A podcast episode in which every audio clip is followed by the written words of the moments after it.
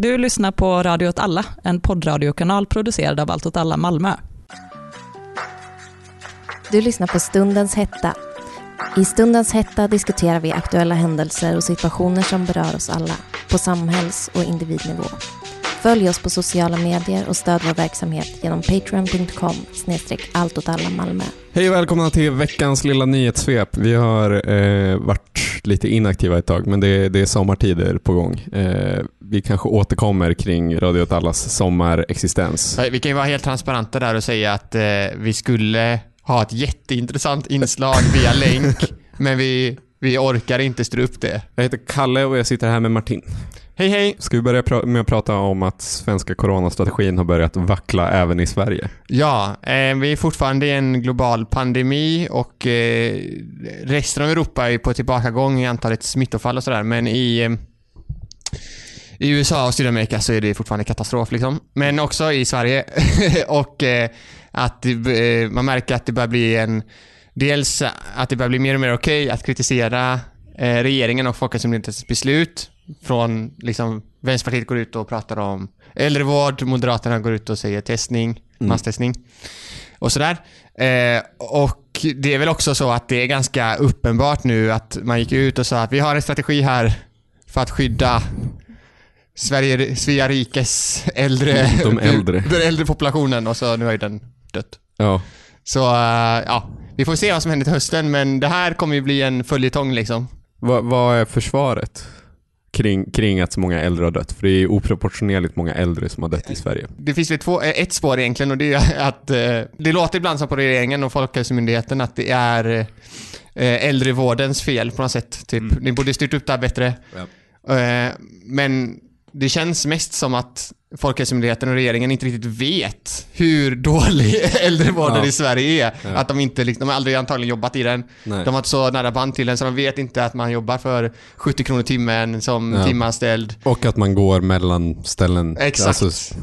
Eh, det var ganska kul för det var någon region i Sverige som ska bevisa att de inte hade skärt ner. Ja. Så hade de två streck liksom, eh, mm. i en graf. Och så var ena så här, så här mycket investerar vi. Mm. Och så ser man bara, ja men det är jämnt liksom. Mm. Men sen visar de på olika typer av former av äldrevård, alltså mm. hemsjukvård och eh, särskilt boende, alltså bo, eh, äldreboenden. Ja. Och då kan man se att just hemsjukvården har ju ökat jättemycket medan antalet platser på äldreboenden har ju gått ner. Och det, ja. det är ju en besparingsfråga. Ja. Så antalet pers personer som vårdas är ju fler, antalet vårdplatser är ju fler nu. Men det är antagligen en sämre vård. Och också att man inte har, typ i Norge är var femte äldrevårdsanställd, en sjuksköterska, man har en läkare. Oj oh, jävlar! Och sånt där. Det har man inte här. Och i Nej, Norge dog inte heller de gamla. Så, Nej. vi får se. Ja. Men, men eh, den här kritiken från Vänsterpartiet, vad handlar det om? Ja men det är ju just att man har eh, liksom skitit i äldrevården, att det mm. handlar om arbetsvillkor och sådär. Och det är väl ganska rimligt eh, ingång liksom. Ja. Men det är också någonting eh, som man har försökt föra fram politiskt eh, länge liksom. Ja, det är inte första gången Vänsterpartiet pratar om välfärd. Nej, och KD har väl också försökt bli ett sånt äldrevårdsparti. Ja. Eh, och sen är det lite snack också, det kommer vara intressant att se, men det är lite snack om vilken typ av ehm, eh, form som äldreboende drivs av, alltså om det är privat eller kommunalt. Och där verkar det vara som att i, i Stockholm så är det en viss högre överdödlighet på privata vårdboenden också. Mm, det kan man ju tänka sig. det kan man verkligen tänka sig. Mm. Så äh, det här det är väldigt många intressanta ingångar mm. eh, i det hela. Så det är inte så att Sveriges eh, Eftersom jag fortfarande inte är någon epidemiolog. Epidemiolog. epidemiolog. epidemiolog eh, så, så kan man ju liksom inte riktigt kanske kritisera strategin som sådan, men uppenbarligen är det så att vår fallerade välfärdsstat ja. inte är så bra för att hantera pandemier. Ja.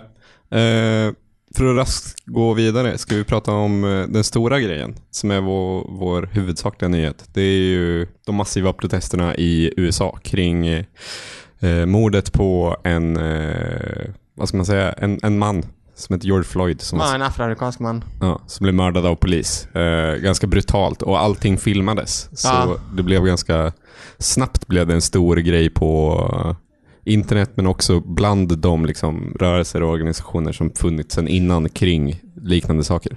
Mm. Jag orkade se typ första minuten av sju ja. det där klippet. Jag tror jag bara såg typ 20 sekunder för att jag var så, ja men det här är ju det är, det är fruktansvärt. så jävla makabert, alltså, det är liksom inte, Eh, men, men eh, de här protesterna, Mm. vad kan man säga om dem? Det är, I varenda stat i USA just nu så har det pågått protester och de är i sån jävla skala på vissa Ja, ställen. verkligen. Men det, har väl lite mattats av, eller? Ja, kanske på vissa platser men alltså, det är liksom helt omöjligt att säga för det har ju också lite en rytm i sig, Mm. såna här saker.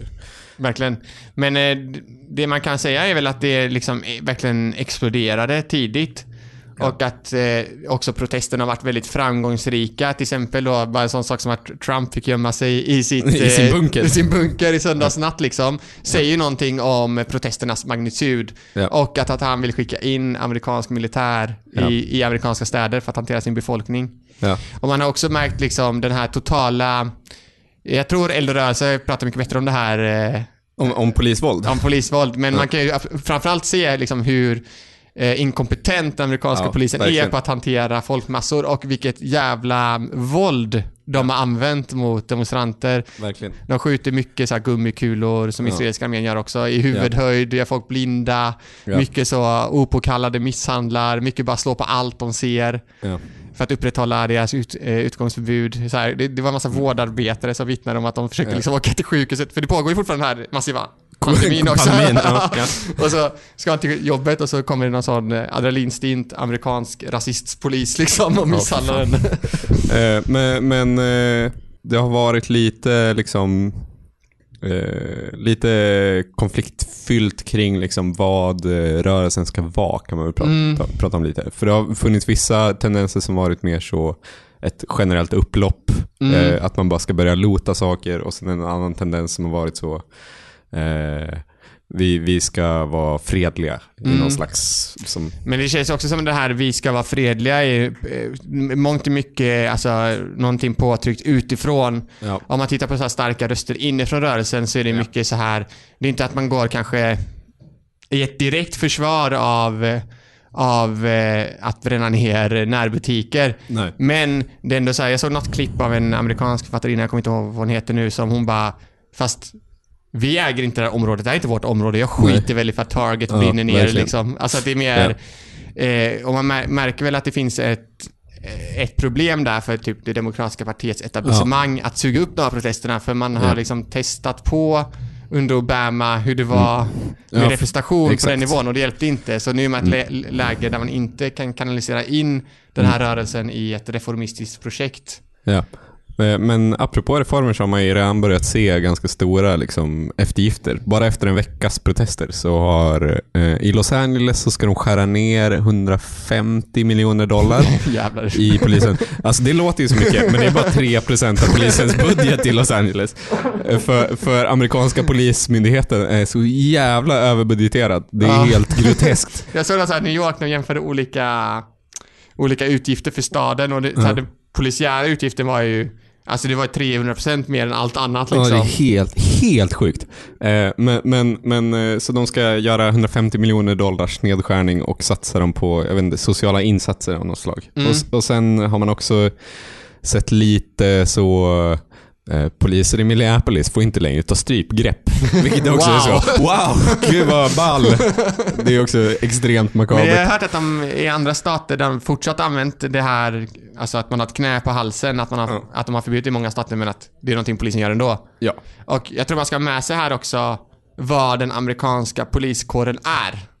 Ja. Typ den här traditionen av att amerikansk poliskår i många stater är en direkt fortsättning av de gängen som fångade förrymda slavar. Ja, det är, det är Alltså- verkligen, alltså polisen i USA är ju verkligen någonting väldigt specifikt som sitter väldigt nära Verkligen. ihop med liksom den amerikanska historien. Ja. Som är liksom en stat byggd på Rasism. rasism och eh, eh, slaveri. Ja. Och det kan man liksom inte riktigt komma ifrån. Nej, exakt.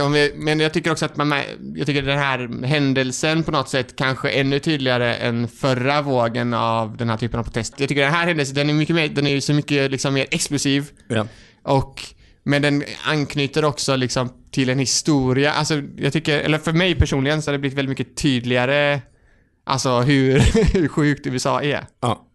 Men, men jag, det, apropå 2014 så tycker jag också att det är väldigt talande att det här, den här rörelsen blir starkare och starkare för varje våg den går in i. Mm. Vilket är väldigt imponerande. Verkligen. För så brukar det verkligen inte vara. Men det är väl också för att den är så pass ledarlös. Alltså att Ja. den, det är en rörelse som inte har låtit sig in, eh, inkapslas i typ Mm. Sanders-rörelsen egentligen liksom. Eller Nej. det, de har inte blivit liksom en del av eh, Camilla Harris eh, valapparat. Nej, men samtidigt också att den är väldigt ledarstyrd på samma gång. Alltså Ja. den, den, är ju inte, den är inte särskilt decentraliserad. I Sverige så hade vi ju tyckt att den var ganska liksom, eh, rigid Mm. i jämförelse med typ den autonoma vänstern. Ja, Eh, men, absolut. vilket är, eh, så, så på något sätt så har de hittat en ganska bra balans och på något sätt så lyckas de bli starkare för varje våg som kommer. Vilket är å- återigen super, super Mm. Men ovanligt. det är, väl, det är väl också så att man får väl eh, också titta, alltså just att en, en stor skillnad är ju, är ju det regimskiftet som skedde med Obama och då Ja. kanske inte så mycket om den ekonomiska politiken men USA har också blivit ett mycket mer ehm, repressivt land mot minoriteter helt enkelt. Alltså ett, mer, Jo, såklart. En, ännu mer öppet rasistland. Alltså de har ju de här Ja. Mm. koncentrationslägren vid, Ja. vid mexikanska Jo, gränsen jo, verkligen. och, och sådär. Och Donald Trump twittrar “When they start looting, we start shooting”. Exakt, så, så det, det är väl också en eh, beståndsdel av det. Men det är en väldigt imponerande rörelse som du säger, Ja. att den blir större. Och att, jag tycker ändå man ska trycka på det, att det är liksom för jag har sett en del vänstertwittrare som är såhär, ah, de, borde, de borde gå med i ett parti alltså. Men fast de, uppenbarligen finns det en enorm organisation bakom det här. Ja. Att det tar, det tar en dag så har man ställt upp liksom sjukvårdstält, man Ja. skapar food banks. Alltså, Ja. Det, det är en enorm liksom underifrån organisering kring det som, som man kanske är lite blind för här. Ja, och uppenbarligen så har ju väldigt många också försökt starta ett parti och så vidare. Ja. Alltså Sanders-kampanjen, alltså det är väldigt mycket, många som var aktiva i Sanders-kampanjen som nu är aktiva i det här på olika sätt. Mm. Eh, och eh, deras motivering är ju helt enkelt, vi testade det, det funkade inte, så då testar vi något annat. Ja, Eh, en väldigt rimlig inställning. En ganska rimlig inställning, snarare än att sitta på avbytarbänk och klaga. Eh, men, men den här protesten har också spridit sig lite internationellt. Eh, Det var enorma protester i Tyskland, det var super, super stora... I Paris också. I Paris var det kravaller. London. I London var det också... Eh, London är också ett specifikt exempel för att de har alltid haft en ganska nära relation Ja. till Black Lives Matter-rörelsen. Eh, på grund av historia men också på grund av eh, eh, att 2011 så var det en väldigt liknande situation i London. Mm. Men det här har även kommit till Sverige. Eh, Ja. Och det var en jätte, jättestor demonstration i Stockholm. Ja, och en ganska stor demonstration ändå, tycker jag, i Ja. Malmö i förrgår. Ja, som gick jävligt långt. Mm, fyra timmar. Fy fan. Eh, Men eh, det, jag tycker det, det jag såg så, UR har en eh, Instagram som heter Tänk till. Ja. Som, handlar, som riktar sig mot ungdomar och så handlar om olika frågor typ. Men de var där och filmade och det var, alltså, eh, och intervjuade lite folk som var där och det var väldigt imponerande vilken hög liksom, så medvetenhetsnivå Ja. det var och liksom vilk, vilken eh, engagemang och liksom, va, det var verkligen så här det, ja, men det, var, det var hoppfullt på något sätt. Och det men, var, men jag, jag tror verkligen att det är därför som hela rörelsen överlever och eh, lyckas bli större och större. är för att de har en så himla stark hegemoni inom vissa liksom, folklager, alltså så unga människor. mm, Bland annat. Att, att eh, folk är väldigt liksom, medvetna, inom citationstecken. Att, att folk eh, kan och fattar och vet vad de ska säga när de ser en ny situation som uppstår. ja, Och därför också är beredda på att agera på det. verkligen. Eh, vilket är superhäftigt. Mm, men också att det var en, en helt annan liksom, sammansättning som var ute på Jo, Stockholms gator än vad som brukar vara på en demonstration mot rasism och polisvåld. Ja. Vilket är skithäftigt. Ja. Jag blev Eh, jätteglad när jag, när jag såg att det var så mycket folk. Ja. Eh, Och att det är så, men även om det är en hög medvetenhet så ska man ju alltid komma ihåg också att det är så extremt rimliga krav. jo, jo, verkligen. Alltså, Polisen borde inte Sverige så döda här- folk. Nej, ja, men det är liksom i Sverige typ, polisen kanske inte borde rasprofilera människor. Ja. Eller så här trakassera människor på grund av deras hudfärg. Det är Ja. orimligt. Det är faktiskt orimligt. Det är helt orimligt. Och, och i USA, de kanske inte borde döda människor. Ja. Ändå, band- det, det är sjukt att det finns folk som inte håller med, men det gör Ja, det. det, är helt absurt. Det är jättekonstigt. Eh, finns det mer att säga om, eh, om det här i Sverige? Ja, alltså man kan väl också... eh, gå en liten omväg där via mm, alltså den här diskussionen som blev efteråt. Mm. För precis som i USA så, så finns det ju ändå, alltså det är svårt att argumentera för att det är rätt att skjuta afroamerikaner mm. på gatan liksom. Och det är svårt ja. att argumentera för att man ska få kväva ihjäl folk på gatan liksom. Så det kan ja. man inte göra. Så istället hittar man andra sätt att misskreditera, misskreditera en rörelse. Och i, och i USAs fall så har det ofta varit att man då precis, det här är också en annan sån historiskt mm. parallell med just att man eh, pratar om outside agitators som ja, kommer in jo. Och, och de är ofta då vita, ja. Eh, förhoppningsvis av judisk börd, var det före liksom den antisemitiska ja. tankeidén. Mm. Um, och um, medan i Sverige så kändes det mer som att högern körde mer på pandemikortet. Ja. Att, att, det var, att det här är oansvarigt? Att det är oansvarigt. Ja. Hur kan man göra det här under en pandemi? Mm. Och att det liksom föll i samma mm, linje av argumentation. Mm. Eh, ja, det är jättebra att ni gör det här, men mm.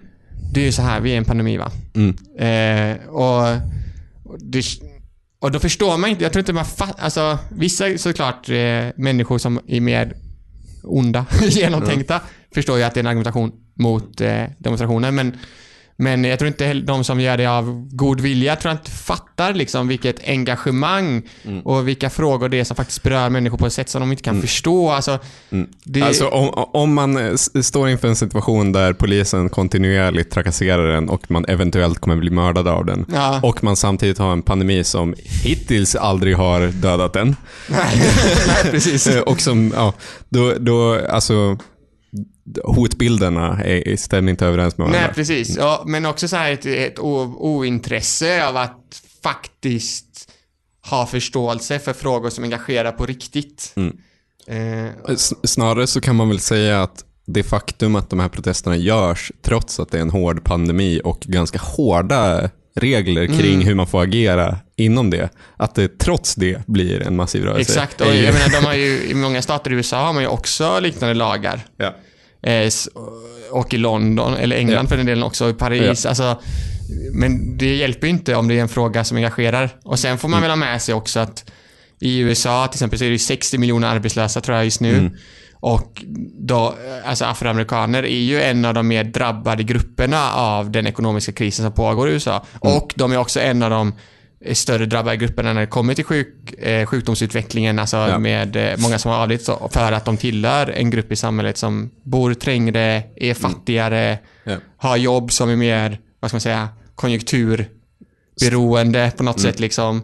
Eh, ofta servicebranschen och sådär. Mm. Så det är, det är en perfect storm på det sättet också såklart. Ja. Men eh, men, men, men det är intressant det här med det här narrativet kring outside agitators. Så det mm. kan Men det, det, är också, det är alltid, det, det är ju alltid ett litet vapen man kan ta till hands. Om man, om man vill misskreditera någon så kan man ju alltid säga att de kom, alltså det vet man ju själv när typ NMR har varit någonstans. Ja. Så brukar man ju alltid vara så, haha, 60% kom från eh, Ludvika liksom. Ja. Haha. Eh, det är ju det är samma grej. Jo. I det fallet så är det sant. Ja, precis. Bara att i det här fallet så blir det också en sån extremt rasistisk tråk. Ja, för att det bygger ju på att man, man tänker att en eh, att afroamerikaner i det här fallet då inte har kapaciteten att organisera ja. sig själva på det mm. sättet. Mm. Så det krävs en yttre kraft som mm. går in och liksom lurar då. Spoilervarning, den här yttre kraften, vita anarkister, inte jättebra på att organisera saker. och inte så, tyvärr ska man nästan säga, så, så stark USA att den skulle kunna upprätthålla liksom upplopp i flera delstater. I en vecka liksom. Mm. Nej, jag tror inte de är... Men nej. att det var exakt liksom samma argumentation kring slavuppror i södra USA. Ja. Det var exakt samma argumentation på 60-talet mot medborgarrättsrörelsen. Ja. Eh, det var samma argumentation i Ferguson Jackson, det var samma organisation i LA 92. Ja. Alltså att det alltid är en sån, ja. ett narrativ. Ja. Eh, så det, det, är så intressant att så många så historiska eh, händelser på något sätt bara hugger tag i varandra, arm i varandra. Och istället då för att säga Istället för att Trump skriver att ah, det var kommunister som hade gjorts på 60-talet så skriver han mm. att det är Antifa för det är det mm. som är... Antifa. Antifa. eh, som är det som är i ropet liksom. Men ja. det är exakt samma rasistiska tanke. Ja, men det, det, handlar, det handlar ju också på något sätt om att avskriva sig ansvar kan man Ja, ja, Alltså, absolut. eh, typ, om, om, man säger att någonting är någonting som sker från utsidan så Mm. har det ju ingenting med Nej, oss att göra. nej, så är det det, ju. det är ju samma som när typ svenska, svenska staten och så vidare pratar om islamism så brukar man ju väldigt ofta prata, det, så, vara så, de borde åka hem till sitt land. Mm. Men så är de, väldigt ofta är de födda i Sverige. De är ju vårt problem. Liksom. Ja, Eh, det är vi som har uppfostrat dem till att bli så här. ja, Eh, och det, det, är liksom, det, det är vårt samhälle som har gjort det exakt. skapat dessa, eh, eh, vad ska man säga, den här eh, miljön där Ja. det här är någonting som händer. Ja, den här kontexten som det kan hända i. Men, för, för man behöver ju inte prata om att så, ja, vår polis är mördar oskyldiga på gatan Nej. vind för våg. Om det, om det är så att det är radical left antifa som Precis, eh, det, sabbar. det är ju ett sätt att förminska problemet såklart också. Ja. Så det blir nästan dubbel rasistisk verkligen. tanke idé liksom. Men, eh, en, en sista nyhet eh, är en, lite kort, som är en, utvecklande, en historia som utvecklar sig. Eh, Mm. som också är lite relaterad till allt vi pratat om faktiskt. Eh, både rasism och corona och ekonomi och eh, polisrepression. Men tre kurdiska parlamentsledamöter för partiet HDP i Turkiet blev gripna. Eh, jag förstår inte riktigt om det var i natt eller om det var igår. Men på grund av, alltså det finns väldigt många som spekulerar med ganska god liksom, eh, grund för att eh, Erdogan, alltså eh, president, är han president? Ja, han är president. För Turkiet ska Han kalla är till... jättemycket president för Turkiet. jag, jag var osäker på om de har premiärminister eller president, men sen slog det mig att det är klart de inte har en kungafamilj. Det är bara Nej. vi som har det. Men, men eh, att han ska kalla till nyval för att eh, turkiska eh, ekonomin börjar gå in i en viss devalvering. Alltså, mm, det, de ja, det är på nedgång helt enkelt. det är på nedgång och eventuellt en kris för att det kan eventuellt vara så att den här pandemin kommer drabba dem mycket hårdare än eh, vad de först trodde. Ja, men det var väl så också i början. Turkiet var väl ganska duktiga som Ryssland, du vet. Att I Ryssland Ja. så är det så här 300 000 Ja. sjuka, men Ja. så är det typ 1000 döda. Ja. Och det stämmer inte. Liksom. Det stämmer och, inte. Och, och i Turkiet var det lite liknande i början där. Sen har, vi- de har ju försökt lägga locket på. Ja. Eh, Men, men eh, och, och den här nedgången och den här pandemin kom, eh, har resulterat i att AKP, alltså Erdogans parti, har fått ganska markant minskat stöd. Mm. Men de kan fortfarande, om de kallar till val nu så kommer de vinna. Liksom. Ja, okej. För att de har ju jättestort stöd i Turkiet, vilket är helt Mm. tokigt. Men, eh, men eh, teorin är helt enkelt att de kommer kalla till nyval för att säkra nästkommande mandatperiod. Men varför gick de just på HDP då? Det gör, därför att de alltid gör det. För att HDP är liksom den konst... Alltså, Och de lyckades väl också utmana Erdogan eh, i Ankara ja. på ett så, så schysst eh, politiska spelet sätt. Att Ja. de eh, uppmanar sina sympatisörer att rösta på ett annat parti som de egentligen inte tycker om så mycket, Ja. men som ändå skulle utmana AKP. Och Ja. AKP förlorade makten på grund av det movet. Liksom. Så HDP är ju verkligen en, en, ja, HDP ett hot liksom. HDP är liksom kanske inte det största partiet i opposition mot AKP, men de är definitivt det som utgör mest hot, för att de är minst liksom beräkneliga. Mm. För att de är också de som respekterar makten minst. Liksom. Ja. Men, men det är en eh, historia som utvecklar sig. Vi kanske återkommer. Sen, sen har ju också Turkiet, eh, utöver pandemin och så, så är man ju ganska upplåst i två krig nu. Ett i Syrien och ett i Libyen. Så Mm. Ja. det, det är liksom... Det är verkligen ett helvete. Ja, Det, det är ett svårt parlamentariskt läge. exakt. Eh, men, men apropå det här med pandemin, för att knyta ihop säcken. Det här med att spridningen är skitstor i Brasilien. Mm. Det är nytt. Det är väl för att eh, Bolsonaro tillhör ju eh, the axis of evil. sätt. Ja. Så han, precis som Trump, han körde exakt samma linje som Trump, så de försöker ju tysta ner, eller han har ju försökt tysta ner och eh, inte erkänna i början att eh, det ens skedde, så det medgav ju en skitstor eh, spridning av viruset helt enkelt. Och sedan så har ju Brasilien Det är ju ett tätbefolkat land. Ja, och ett av världens ändå så här dystopiska klassamhällen. Alltså, Ja, när man tänker sci- sci-fi film, har- du sett den här mm, zombiefilmen där det är en stad? Mm. Eh, Day of the Dead tror jag den heter. Så är det en stad där alla överlevande bor i. Och Ja. den är uppdelad i olika nivåer. Wow. Och så är in, in, omringad av zombies och i slutet så är det asfett för då bara kommer zombiesarna utveckla någon form av Intelligens. Eh, intelligens Åh, och nej. emotionalitet. Så de är så trötta på de här rika som åker ut och dödar zombies och tar deras grejer typ. Så då, då ja, i alla fall så slutar det med att de vinner då, zombiesarna. Det är jävligt häftig film. Men Wow. Exakt så är det i Brasilien, ja. Brasilien. Alltså Ja. i, i um, Sao Paulo alltså mm. näst, en av de större städerna i Brasilien. Mm. Eh, då, på riktigt där, så åker de rika helikopter mellan sina områden för man är ja. så rädd för att vara det är murar överallt. Ja, precis. Alltså det, det är som en sån sci alltså det är som en ja. sci-fi bok som händer nu. Och ja. den, och den tät, alltså hur det, de fattiga områdena är ju extremt tätbefolkade, mm. extremt utsatta, det är en extrem fattigdom. Så mm. varje gång typ en sociolog eller forskare så pratar om två tredjedelar samhället, mm. alltså att två tredjedelar ska vara fattiga och en tredjedel mm. har det ganska bra, eh, så är det ju alltid Brasilien och det har man ju ja. sagt sedan 20 år nu minst ja. liksom, att, att det är så. Så, det, så det, det är världens sämsta land för att hantera en pandemi. Verkligen. Eh, gå in och på... där har det också varit mycket stora protester nu i samband med Ja, det är helt missat. Men, men, Mexiko också för, för övrigt. Eh, men eh, det var nog allt vi hade. Ja. Eh, tack och hej. Tack hej. Följ oss på sociala medier och stöd vår verksamhet genom patreon.com snedstreck allt åt alla Malmö.